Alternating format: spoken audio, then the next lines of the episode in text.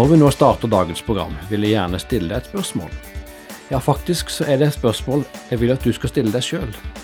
Tenk deg at du står foran et speil og stiller deg følgende spørsmål. Hvordan er det å leve sammen med meg hver dag? Tenk over det. Når du er på jobben, stikker folk innom kontoret ditt fordi de vet at de vil få en opptur av ditt gode humør? Eller sniker de seg forbi døra for å unngå å bli påvirket av din svartmaling og negativitet? Åssen er det hjemme?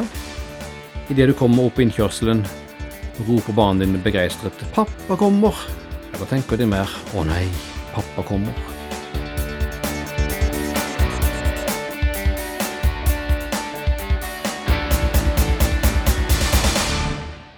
Velkommen til Troens menn. Jeg heter Harald Endresen, og med meg her i studio er Alf Halvorsen. Og vi menn misliker ofte å måtte forholde oss til følelser. Noen av oss vil ikke engang innrømme at vi har et følelsesliv, men ifølge Bibelen så er vi skapt i Guds bilde, og Gud har følelser. Han kan være glad og trist, sint og begeistra. Og Gud har gitt også oss menn disse følelsene. Men hvordan takler vi de? Dette ser vi nærmere på når vi er tilbake med troens menn straks. Alf Alvorsen, Bibelen forteller oss at Gud har følelser. Jesus har følelser, ja, til og med har Den hellige ånd følelser. Men vi mannfolk, vi sliter ofte med å vedgå at vi har følelser, og hvorfor tror du det er slik? Ja, hvorfor? At det er et faktum er jeg enig i, men eh, det er et vanskelig spørsmål. Og jeg kjenner meg igjen jeg både var og forhåpentligvis ikke så mye nå, da, er slik. Å vise følelser var heller ikke noen uh, selvfølge i den familien jeg vokste opp. Men samtidig klarer vi ikke helt å skjule dem, da. De finner en eller annen vei opp til overflaten, uh, nesten alltid. Og så stilte du, Harald, et uh, interessant spørsmål i starten. Hvordan er det å leve sammen med meg? Hver dag. Og dette sier mye om hvordan vi bruker eller misbruker følelsene våre. Spesielt dersom vi besvarer spørsmålet sett fra kona, barna eller kollegaens ståsted. Ja, da tror jeg det kan bli mange interessante svar og, og ting å tenke på. Jeg hørte en gang en pastor si at livet består 10% av det som skjer med oss, og 90% av hvordan vi reagerer på det som skjer med oss. Det er interessant uh, uttalelse, eller eventuelt statistikk, og en god beskrivelse. Og, det kan vi jo gjerne dra enda lenger og si at livet består 10% av hvordan vi reagerer på det som skjer med oss, og 90% av hva Gud har tenkt med det som skjer med oss. Altså vårt perspektiv satt opp mot Guds perspektiv? Nettopp. Men hvordan påvirker det dette følelsene våre, tror du? Ja, på ganske mange måter. Kan du gi noen eksempler? Ja, fra den boka vår eh, som vi bruker i denne serien, De fire pilarer, av John Tolson og Larry Crider, så lister de opp noen områder hvor våre følelser blir påvirket av hvorvidt vi ser på livet ut fra vårt perspektiv eller Guds perspektiv. For å ta et eksempel, har du noen gang kjent noen som alltid er negative? og som alltid skal klage. Ja, jeg har mange jeg kommer på da, og jeg husker en fyr fra studietiden som hadde rike foreldre, bil og leilighet, slapp å ta opp studielån og hadde kjæreste og fikk tilbud om jobb som han kunne spasere rett inn i etter studiene. Likevel, alt han drev med var surmuling og klaging, han var aldri fornøyd, og han klagde på at andre klagde. Ja, og det du sier der, det eksempelet, det er ganske vanlig. Eh, og ofte vil slike sutrekopper samles i grupper og får energi fra hverandres klaging og negativitet. Og de har ofte en tendens til å overdrive, og de kan knapt vente med å dele negative historier og nyheter med hverandre. Det som er litt trist, er at etter hvert skjønner de ikke selv hvor negative de er. Hvorfor er det sånn? Hvorfor klager vi så fort? Jeg sier vi, for vi er vel skyldige i dette alle sammen innimellom. Og er det ikke litt, litt rart at vi gjør det, spesielt vi som anser oss som kristne menn? Ja, du får meg til å tenke på et dikt som jeg Jeg har ikke mange dikt jeg har lest, men Arnulf Øverland, han Søstera mi siterte det i ungdommen. Det het Til en misantrop. Og det er jo Latin, det betyr jo egentlig en menneskehater. Og et av versene der er sånn Vil du nære deg av taus forakt?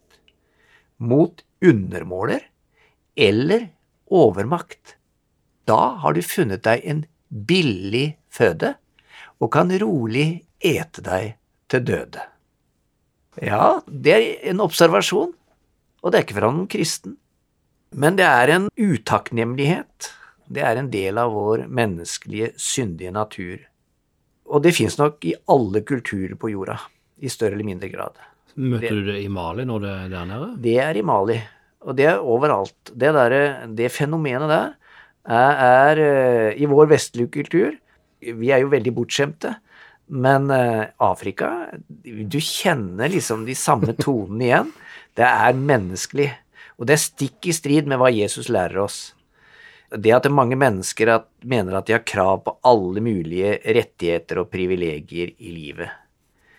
Dersom vi ikke får det som vi vil, blir vi misfornøyde.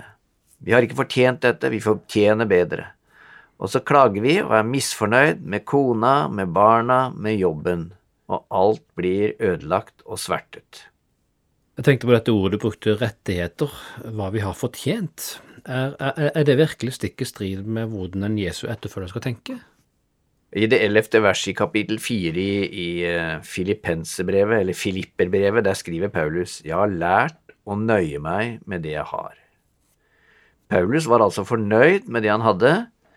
Vi er derimot bortskjemte, misfornøyde, sutrer og klager og denne oppførselen forsterkes ofte sammen med andre negative mennesker.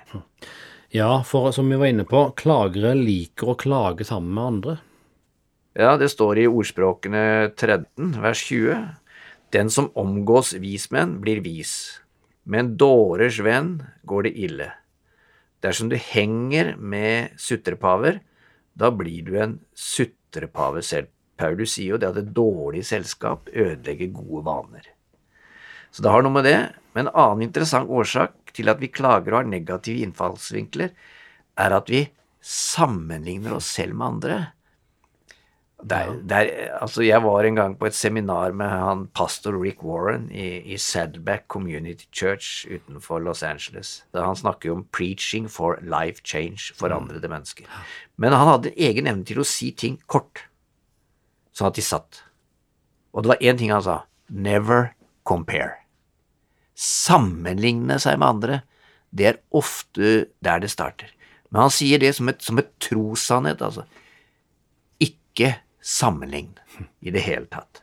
Ja, for det er jo alltid noen som er sterkere, rikere, smartere, mer talentfulle eller lykkeligere enn oss sjøl.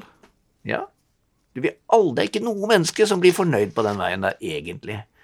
Og det leder oss til et uh, kjerneord her, som heter bitterhet.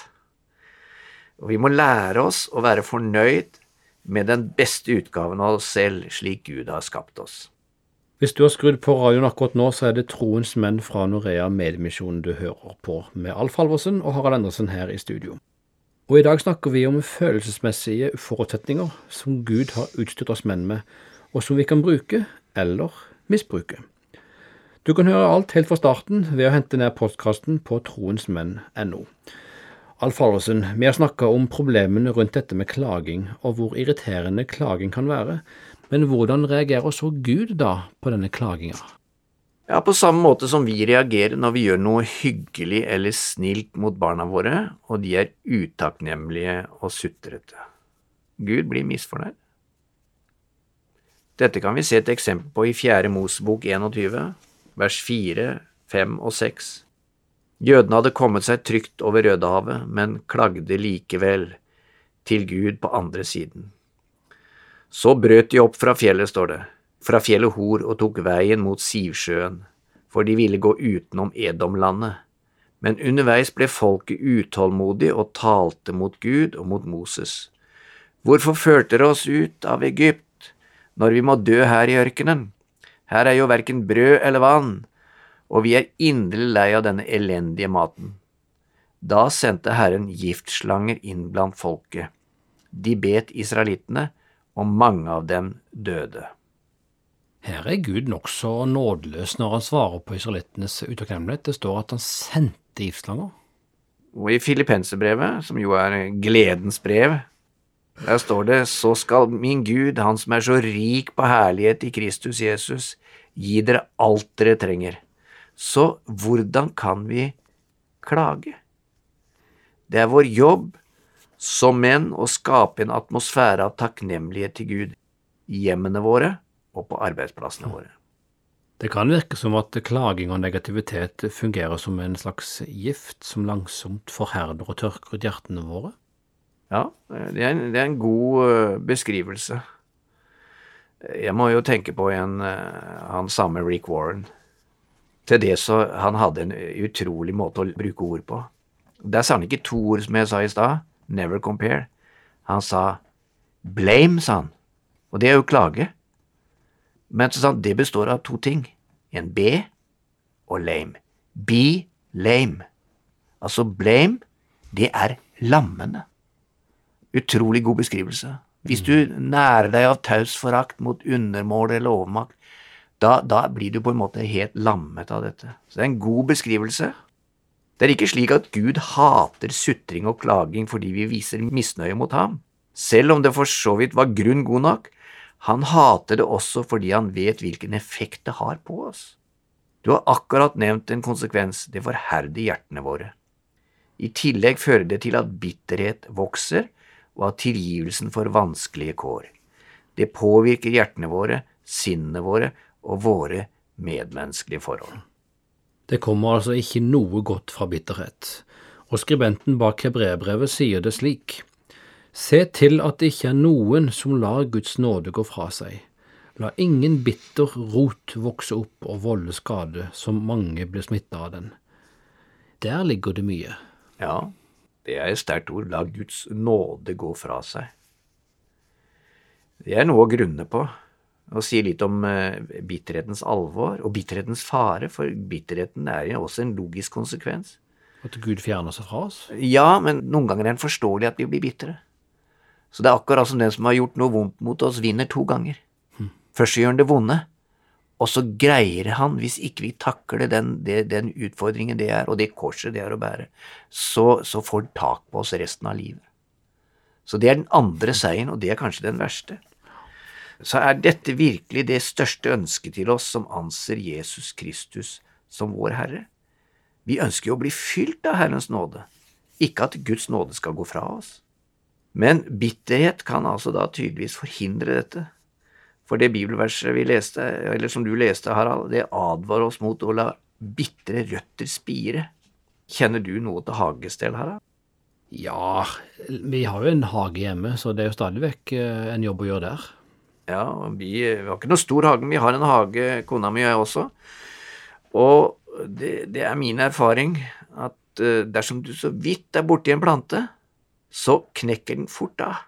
Men for å få bort ugress, så må du hale og dra og slite og jobbe ganske hardt for å være sikker på at du får bort alt, og at det ikke vokser opp igjen.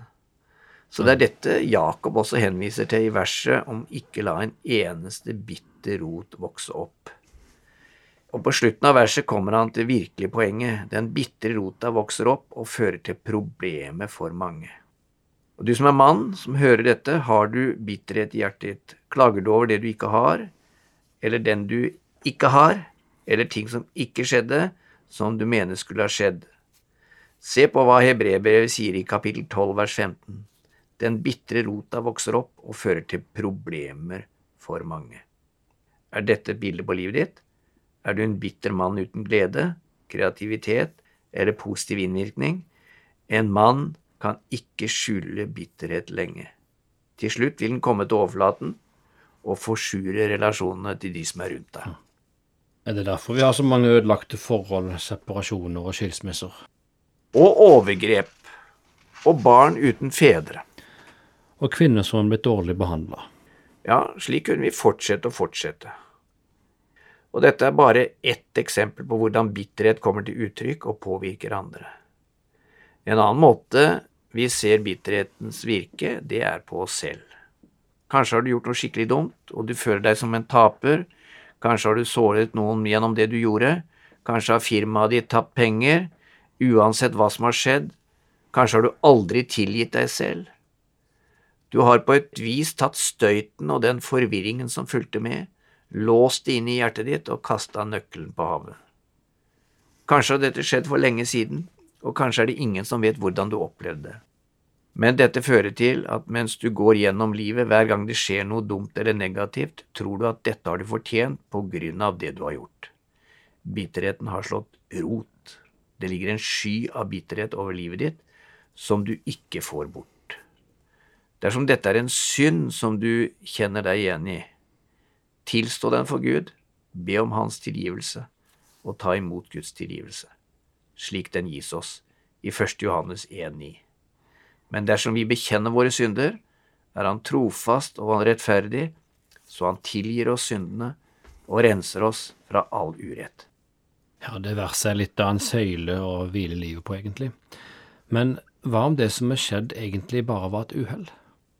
Ja, dersom det som har skjedd, like gjerne kunne skjedd hvem som helst av oss. Prat med en gudfryktig person du stoler på. Det vil hjelpe deg til å få et riktig perspektiv på det som har skjedd. Jeg må jo tenke på to eh, personpar i Bibelen som reformatorene eh, la merke til, som taklet det som skjedde på to forskjellige måter. Når du sier reformatorene, så mener du Luther? Da mener jeg Luther og Melanchthon og alle de mm. som skapte den eh, Som hjalp oss til å forstå Bibelen. Og de så Saul. Han gikk det dårlig med. Han gjorde en synd. Men det førte ham til at han tok sitt eget liv. Han styrtet seg over sitt eget sverd. David gjorde også en feil. Han syndet.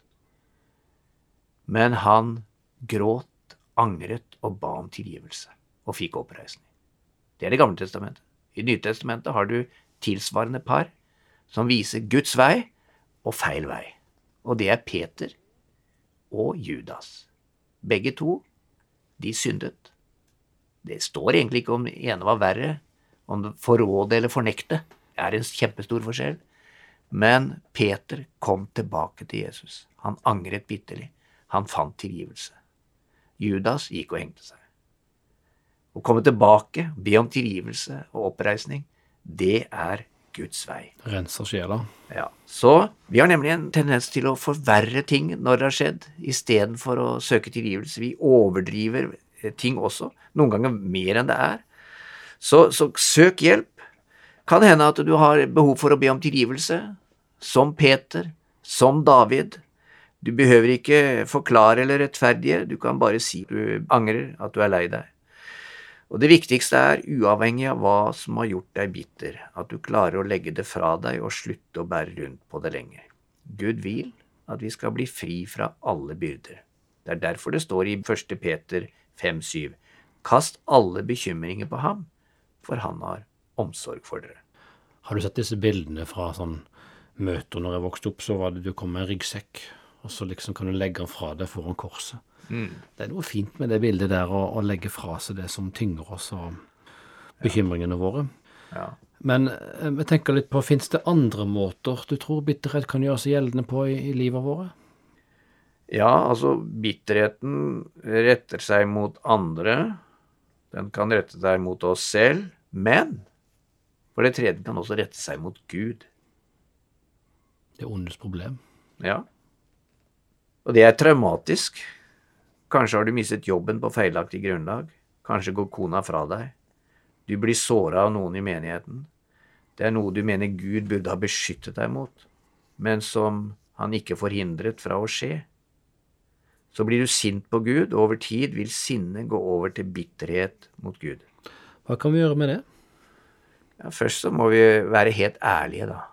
Og da syns jeg det faktum er godt å tenke på at det, av alle 150 salmene i Det gamle testamentet, Salmenes bok, som jo mange sier er de kristnes bønnebok, så når du kategoriserer de i lovsalmer, hymner, kongesalmer og sånt noe, så er den største gruppen, det heter klagesalmer. Men legg merke til de klagene En kjennetegn på en klagesalme er at den etter hvert de siste versene ender opp i lovsang. Det er et menneske altså som er ærlig overfor Gud, som vi innser problemet. Vi mener jo at det er feil å være sinna på Gud, eh, selv når vi er sinte på Gud. Så vi må først innrømme for oss selv at vi er sinte og bitre. Vi skal ikke skjule det eller være redd for det. Så må vi tilstå vårt sinne og vår bitterhet for Gud. Be til ham og fortell ham akkurat hvordan du føler det. Det er nemlig tendens til å glemme det. At Gud vet hva vi tenker om ham uansett? Ja. Vi tror liksom at vi kan holde noe skjult for Gud. Og vi glemmer at han gjerne vil gjøre oss friske. Han ønsker å ta bort bitterheten, som har gjort oss sur og lei i lang tid. Spørsmålet er bare vil du la ham gjøre det? Efeserbrevet 4.31 sier Slutt med all slags hardhet, hissighet, sinne, skrål og spott og all annen ondskap. Slik står mellom oss menn og Gud, og oss menn og de vi er glade rundt oss. Så dersom du har bitterhet som ligger deg på hjertet, vær så snill og forsøk det vi har snakket om i dag. La Gud få lov til å hjelpe deg. Og Alf Halvorsen, jeg vil gjerne at vi fortsetter å snakke om følelser som menn sliter med i vårt neste program. Gjerne, og det er greit. Det er et viktig tema for oss alle. Flott. Vi er straks tilbake.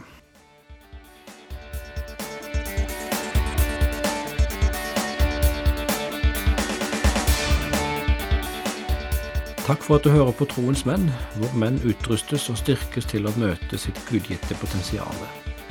I dag har vi snakka om surmuling, klaging og bitterhet satt opp mot takknemlighet. Bakgrunnsmaterialet til dette programmet er henta fra boka De fire pilarer av John Thorson og Larry Crider. Og Troens menn er den norske varianten av Transfer Radios Champions Arise, og er oversatt og produsert av og for norske menn av Norea Mediemisjon. Du finner alle våre programmer som podkast på troensmenn.no. Der finner du også kontaktinformasjon. Takk for at du har lyttet på oss i dag. Må Gud fortsette å forme deg til den mannen han vet du kan bli.